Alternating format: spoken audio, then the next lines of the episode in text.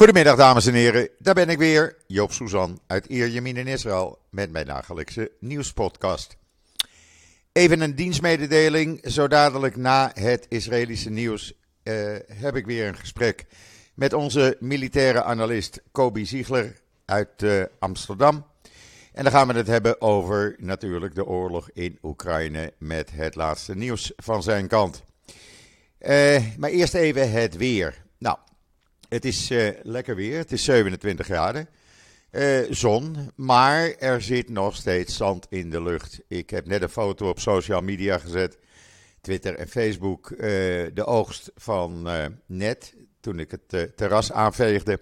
Dat doe ik twee keer per dag en dat is al drie dagen. En dan, ja, dan krijg je een impressie van hoeveel bruin zand er in de lucht zit. En wat dus overal neervalt.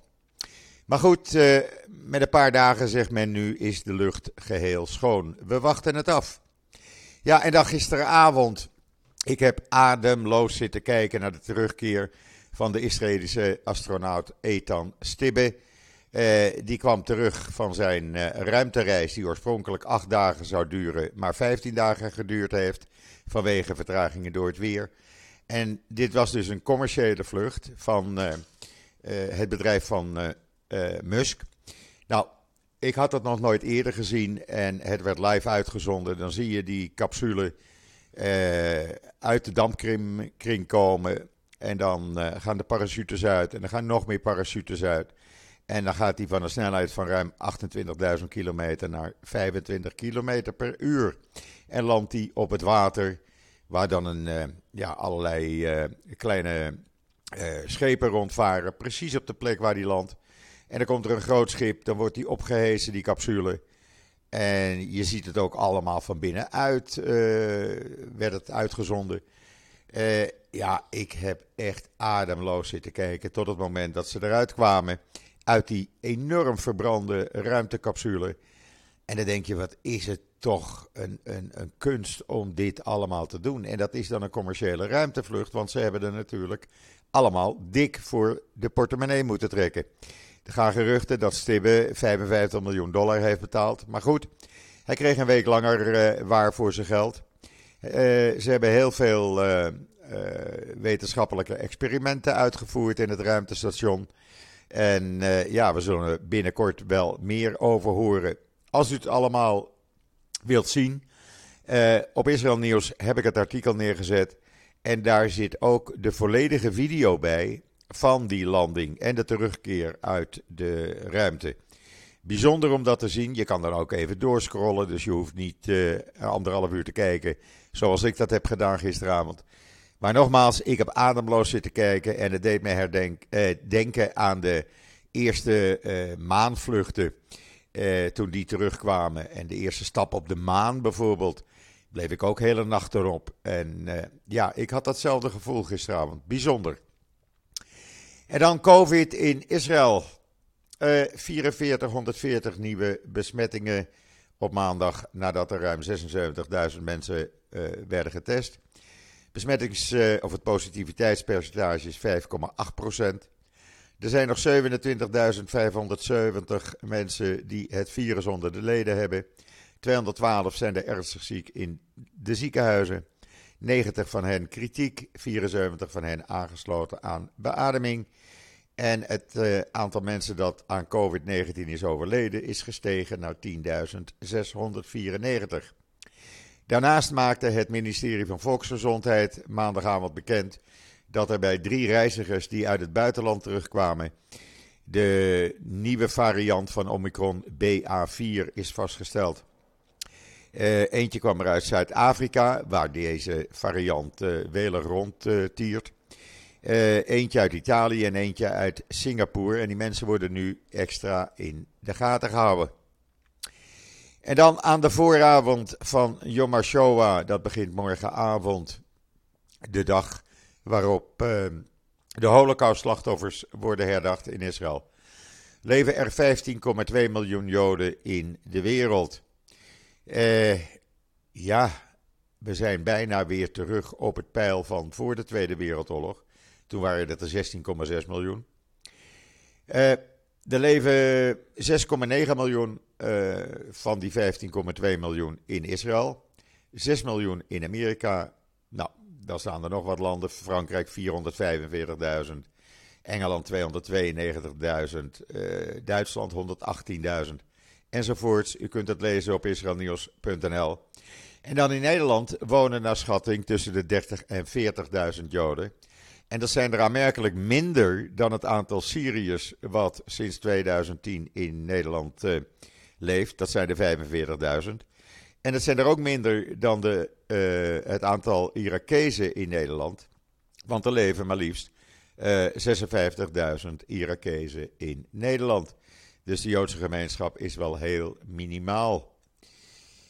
En dan uh, is Israël uh, ook het thuis van 165.000 Holocaust-overlevenden. Ook dat is bekendgemaakt door het Centraal Bureau voor de Statistiek. Uh, ongeveer 75 van, 7500 van hen leven in ja, behoeftige omstandigheden. Het zou ook hoger kunnen zijn, maar dat is niet algemeen bekend. Men denkt sommigen dat het ongeveer 10% is. Dus dan zou het uh, zo'n 16.500 mensen zijn die dringend hulp nodig hebben als Holocaust-overlevenden. De gemiddelde leeftijd is 85 jaar en de meeste zijn afkomstig uit Oost-Europa. En dan hield minister Gans gisteravond een iftarmaaltijd voor de Arabische ambassadeurs uh, in Israël. En daar zei hij het nog maar eens een keer duidelijk. Uh, Israël beschermt de vrijheid van godsdienst. Het hele verhaal daarover kunt u lezen op israelnieuws.nl. Maar hij maakt het nog maar eens een keer duidelijk. Hij heeft het ook eens over, over Iran gehad met die Arabische ambassadeurs.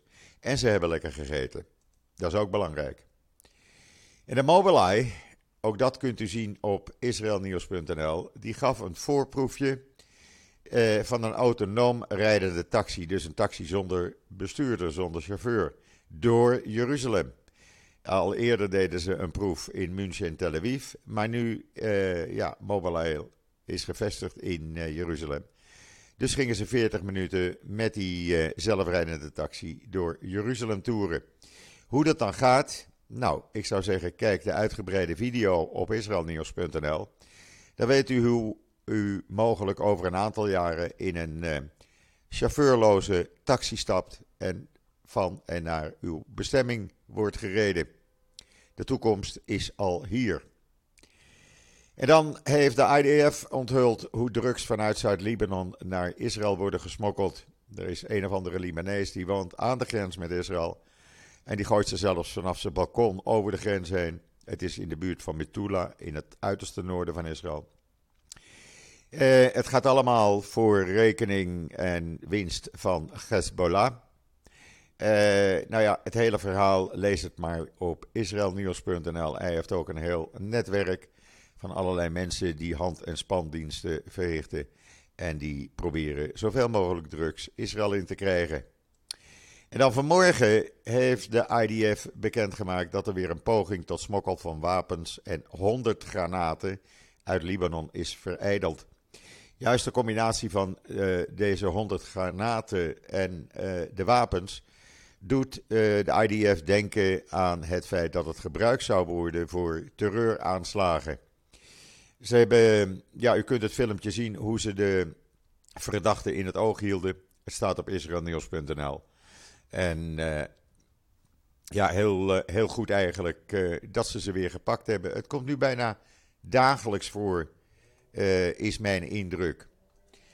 En dan is Urk op een hele goede manier in het nieuws in Israël. U kunt het lezen in de Jeruzalem Post.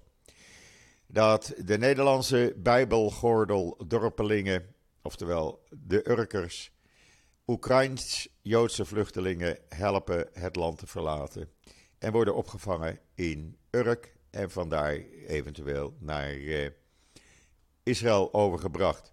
Een mooi verhaal en uh, ja, Urk, we zijn trots op jullie, absoluut. En dan uh, heeft Hamas bekendgemaakt dat ze een standbeeldje van een Kanaïstische godin 4500 jaar oud gevonden zouden hebben in Gaza.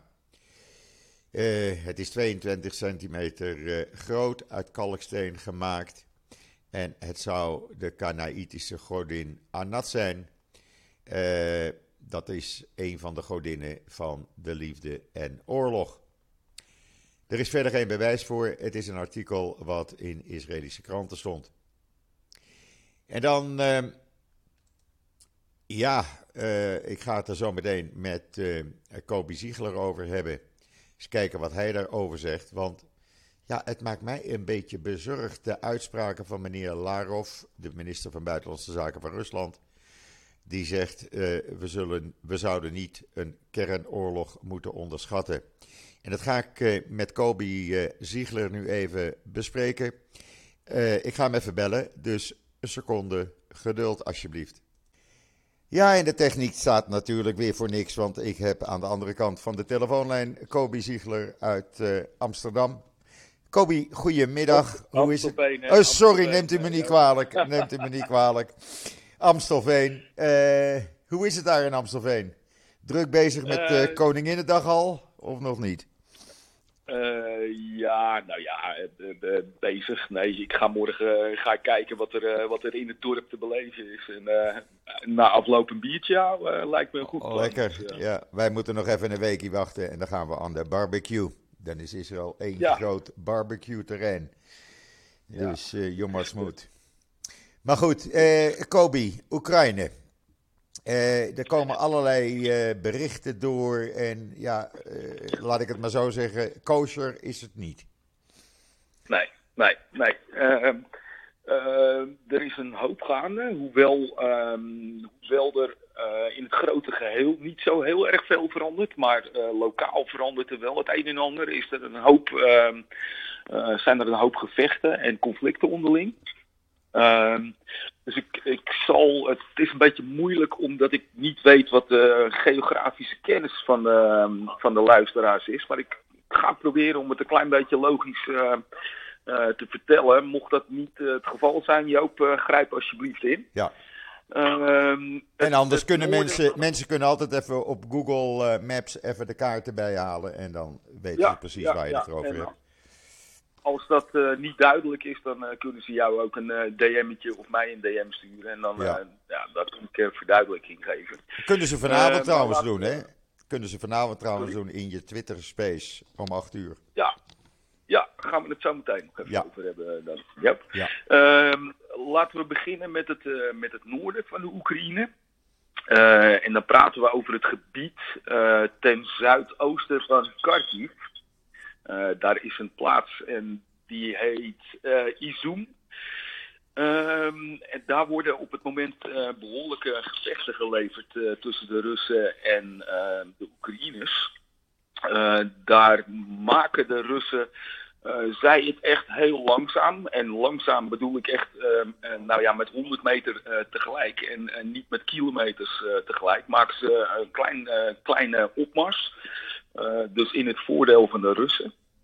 Um, um, het doel is om uh, in ieder geval de dorpjes uh, Dibrovne en uh, Kuralaka, ja, um, sorry voor de uitspraak, in te nemen. Ja.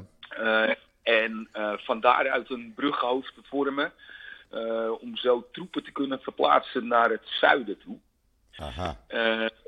en vanuit het zuiden vanuit de in de omgeving van uh, Gerson. Ja. Uh, proberen de Russen richting Mykolaiv te trekken en hoogstwaarschijnlijk daar vanuit Odessa te bereiken.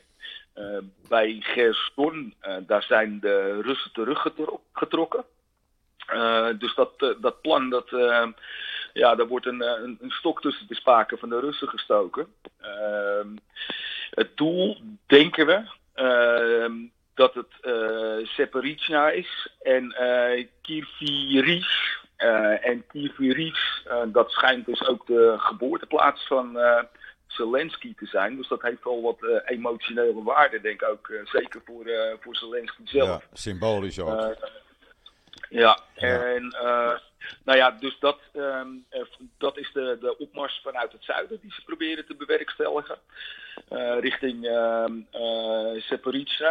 En vanuit het noorden, dan vanuit Kharkiv, proberen ze ook het zuiden te bereiken. wat zou inhouden als je het grotere plaatje bekijkt, dat de troepen die de Donbass uh, nou ja, aanvallen, of in ieder geval daar de Russen tot, uh, tot stilstand proberen te brengen, dat die ingesloten zouden zijn als dat, um, als dat plan mocht lukken. maar er zit nog, ja, er zitten echt een paar honderd kilometer zitten nog tussen. Maar het grote geheel is, is wel duidelijk van de Russen. Dat ze, um, nou ja, de Oekraïners proberen in te sluiten. En dat zou een, ja, dat zou een, eh, een heel slecht scenario worden. Ja. Ehm, even kijken, wat hebben we dan nog? Ehm, wat ik wel interessant vond, ehm, dat is hetgeen wat gisteren gebeurde in Tiraspol in Moldavië. Ja, nou, dat las ik. Werd, ja, uh, er werd een, uh, een, een antitankwapen gelanceerd op het kantoor van de Binnenlandse Veiligheidsdienst daar. Ja. Uh, um, ja, um, de Binnenlandse Veiligheidsdienst en um, waar, het, uh, waar het gebeurde, dat uh, is in Transnistrië. En dat is zo, zoals je weet ook weer gelieerd aan de Russen. Ja. Uh, dus het zou, nou ja, het zou een actie kunnen zijn van opstandige Moldaviërs. Die de Russen daar weg willen hebben. Of het zou een, ja, een operatie van de Oekraïners kunnen zijn om de, om de Russen daar ja, wat, wat in de voeten te lopen. Ehm, ja, het gevolg daarvan is, ehm, nu we het over Moldavië hebben. En ehm, ja, we hebben vanmorgen in een volgesprek er ook kort even over gehad. Moldavië is een, is een land wat veelvuldig gebruikt wordt om met name vluchtelingen en specifiek ook uh, Joodse vluchtelingen uh, uit de Oekraïne vandaan te halen. Ja.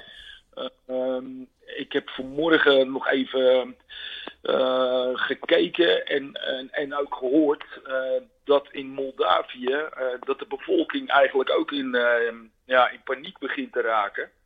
Ehm, en eigenlijk, nou ja, zij het nog met beperkt, in beperkte mate, maar toch ook wel de toevlucht gaat nemen richting Ro Roemenië.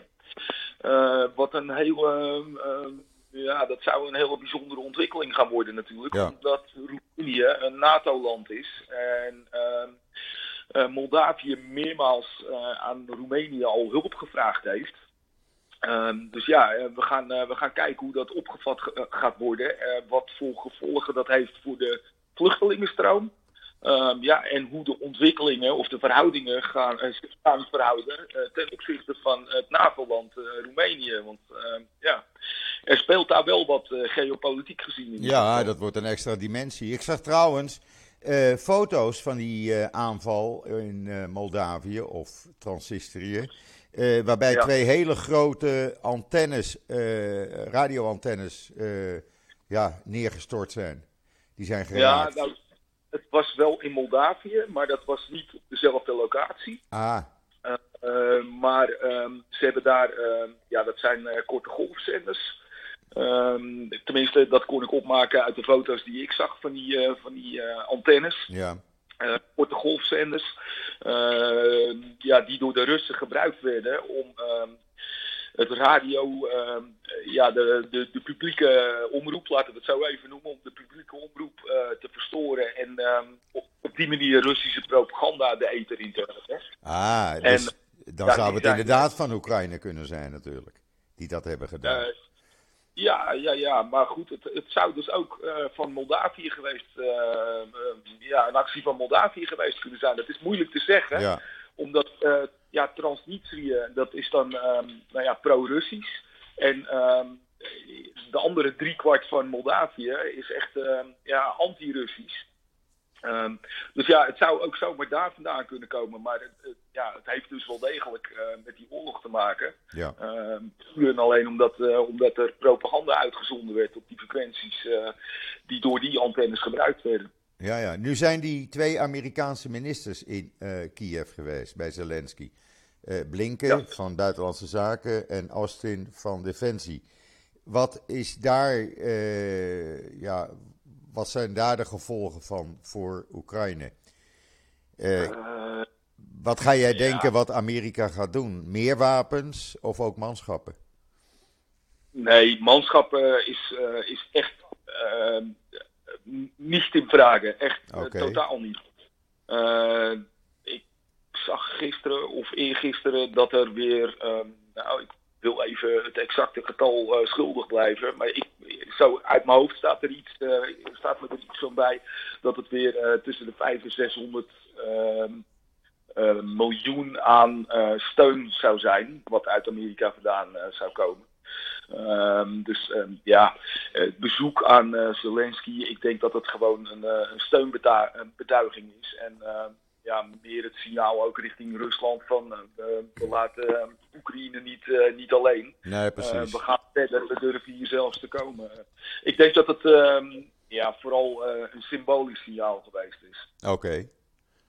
En nu, nu, hebben we een uitspraak gehad van meneer Lavrov, de Russische minister van Buitenlandse Zaken.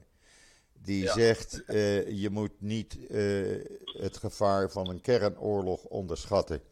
Is dat een dreigement? Hoe moeten we dat zien? Want ja, ik maak me daar een beetje bezorgd om, laat ik het zo zeggen. Ja, ja dat, uh, dat is me bekend, Joop.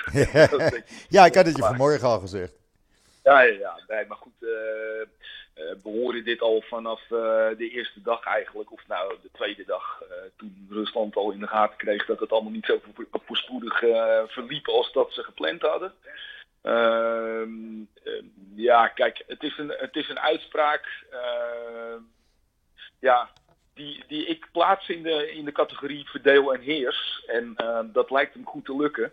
Ehm met name de Europese landen. Uh, Amerika uh, ja, die denkt er en die heeft er ook een, eh, sterke mening over. En diverse po politici die spreken zich ook wel uit. Uh, nou ja, die maken er min of meer een beetje belachelijk. Maar in Europa ja, wordt er terdege wel rekening mee gehouden. Ehm, ja, dat die Lavrov op enig moment serieus zou kunnen zijn. En ja, dat is precies, precies de bedoeling. Verdeel en heers. Uh, met als gevolg uh, dat onder andere uh, Duitsland en nog een aantal andere landen, Nederland die kan zich daar ook wel onderscharen, terughoudend zijn met de hulp die ze gaan leveren of leveren aan de Oekraïne. maar een, een, kernoorlog, er zit nog zoveel tussen Joop, wat, wat nog niet gebruikt is of niet tot het maximum gebruikt is. Um, dat ik zie, uh, ik zie echt een kernoorlog, um, ja, zie ik niet gebeuren. Okay. Um, we hebben, nou ja, Rusland, ja, die heeft daar ook wel een, een, een geschiedenis in. we hebben chemische wapens, biologische wapens. Uh, neem Syrië, daar, daar hebben ze ook vreselijk uitgehouden met, ja. met dat soort wapens. Ja. Dat zal een, een fase worden die nog voor een, een een kernwapen zit. Uh, ja, en voor de rest, ja, dan zit er nog uh, uh, verschil tussen een, een, tactisch kernwapen of een, ja, een, een echt nucleair wapen in de zin van een globaal conflict. Ehm, een tactisch kernwapen moet je overigens niet onderschatten. Maar ik zie het, um, ik zie het niet gebeuren. Ik zie okay. het niet gebeuren, echt. Is een beetje een geruststelling. Dan ja, een laatste. Waard is even... nou ja, uh, uh, jij bent gespecialiseerd, zeg ik altijd maar. Um, en laatste vraag, Kobi. Wat denk jij uh, is de verwachting voor de komende, laten we zeggen, de komende week? Nou ja, de verwachting is in ieder geval uh, die, uh, die brandhaarden die ik net op, opnoemde in het ja. zuiden en in het, in het noorden. Uh, daar zullen ze er alles aan doen om daar um, echt door te zetten. Uh, gewoon um, omdat ze daar meer mogelijkheden hebben tot, uh, tot aanvoer. in het zuiden wordt het allemaal wat moeilijker omdat het door ehm, nou ja, betwist gebied moet. plus dat er ja, de troepen de troepen die we verwachten van de Russen, die zijn er eigenlijk nog steeds niet. het is een heel, heel beperkte hoeveelheid troepen. schatting is ergens tussen de 70 en de 100.000 man. Nou, als je daarvan uitgaat dat ongeveer van die 100.000 man, uh, dat daar echt gevechtsklare troepen, dat dat ongeveer 40.000 is, ja, dan is het gebied echt zo groot dat ik betwijfel of, of de Russen daar ook echt blijvend ehm, ehm, ja, aanwezig kunnen zijn. En ook of ze dat in hun voordeel kunnen beslissen. Ja, ja. Ehm, dat in het achterhoofd houdende, er komt enorm veel materiaal nu uit, uit de westerse landen vandaan op gang. Ja. De vraag is hoe snel krijgen, krijgen ze dat daar te plaatsen. Je ziet nu ook dat, dat Rusland wel begonnen is met, met ehm, spoorwegen te bombarderen, stations, overslagterreinen en dat soort dingen. Dus ehm, ja, de Russen die houden daar zelf ook wel rekening mee. dus wat, wat de komende week gaat gebeuren is, nou, ehm, die twee, die twee conflictgebieden, Noord en Zuid. we zullen wat meer aanslagen op infrastructuur zien. Um, en dan met name verwacht ik ehm, ja, ballistische raketten en, en, en kruisvluchtwapens die daar een, rol in gaan spelen. ja, de, de, grote vraag is hoeveel voorraad is er? Ja dat, dat in grote lijnen zal dat de komende week gaan bepalen, is mijn vermoeden. Oké. Nou, vanavond de, heb jij natuurlijk weer samen met Frank Berkenmeijer uh, de Twitter Space uitzending. Ja. Om 8 uur, ja. Nederlandse tijd. Ik raad iedereen aan te luisteren. Ik zal er in ieder geval als luisteraar bij zijn. Want ik vind het ja. enorm interessant wat jullie daar met z'n tweeën allemaal uitleggen geopolitiek en militair en noem maar op. En ja, misschien nog een verrassing heb ik begrepen. Dus ja. Nou ja, verrassing. Het is, uh, het is achtergrondinformatie en dan met name ja, voor wat betreft de, de vluchtelingen die ja. uit de Oekraïne vandaan gehaald worden door de vrijwilligersorganisatie. uit Nederland. Ik, oh, ja, nou, nou niet naar Nederland, naar, uh, ja, uh, ja, naar Nederland en naar Israël vooral. Ja. Um, ja, ik ga kijken. Ik heb nog geen oké gekregen dat hij er is. Maar ik, uh, als ik een beetje tussen de regels doorlees, dan, uh, dan zal hij er waarschijnlijk wel zijn. dus die, ehm, ja, mogelijk dat, dat daar een korte toelichting en ervaring, dat het in de space besproken gaat worden. Ja, door, een Nederlander, door een Nederlander die in Oekraïne is, hè? Of regelmatig ja, ja. daar is. Ja. Ja. ja. Oké. Okay. Uh, een, een, uh, nou ja, ik zal het nu niet te veel Nee, nee, nee, nee. Gewoon, iedereen moet gewoon, uh, als men geïnteresseerd is, zou ik zeggen, mensen, 8 uur op Twitter Space. kijk even bij Unclex of Frank Berkenmeijer. En dan, ja, dan kan je als luisteraar een hele bijzondere avond beleven. Ja, maar ook als, uh, als deel. Uh, Eventueel als deelname, deelnemer, ja. Kan ook. Schroom niet. Uh, vragen staat vrij, domme vragen zijn er niet. Nee. Um, ja, um, in DM um, kan je op voorhand al een, een, vraag stellen of een opmerking plaatsen welk onderwerp eventueel meegenomen moet worden ja. vanavond. Sturen, sturen ja. aan Unclex. Ja, of aan Frank Berkenmeijer. Of Frank, ja. Frank. Oké, okay, Kobi, dan zeg ik uh, niet tot ziens, maar dan zeg ik tot vanavond. Ja. Uh, hartstikke bedankt weer voor deze uh, uitleg. Een heleboel mensen ja. zullen daar blij mee zijn, merk ik uit de wekelijkse reacties naar de, elke podcast waarin jij bent. En nogmaals, vanavond om 8 uur zit ik weer op Twitter Space naar jullie te luisteren. Oké, okay, graag gedaan. Okay. En tot vanavond. Bedankt en tot vanavond. Oké, okay, hoi hoi. Hoi. Ja, dat was uh, Kobe Ziegler. Uh, ik hoop dat jullie er wat aan gehad hebben. Ik in ieder geval wel. En nogmaals, ik ga vanavond ook om 8 uur uh, Nederlandse tijd luisteren. Het is hier dan 9 uur.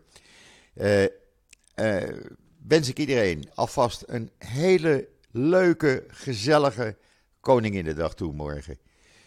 ik ga toch een podcast maken voor diegenen die willen luisteren. Ik hoop dat het een ouderwetse Koninginnedag wordt. En dat iedereen lekker geniet. Het weer, heb ik begrepen, schijnt goed te zijn. ik wens iedereen nog een hele fijne voortzetting van deze dinsdagmiddag, de 26 april toe. Ik ben er morgen weer en zeg zoals altijd: tot ziens, tot morgen.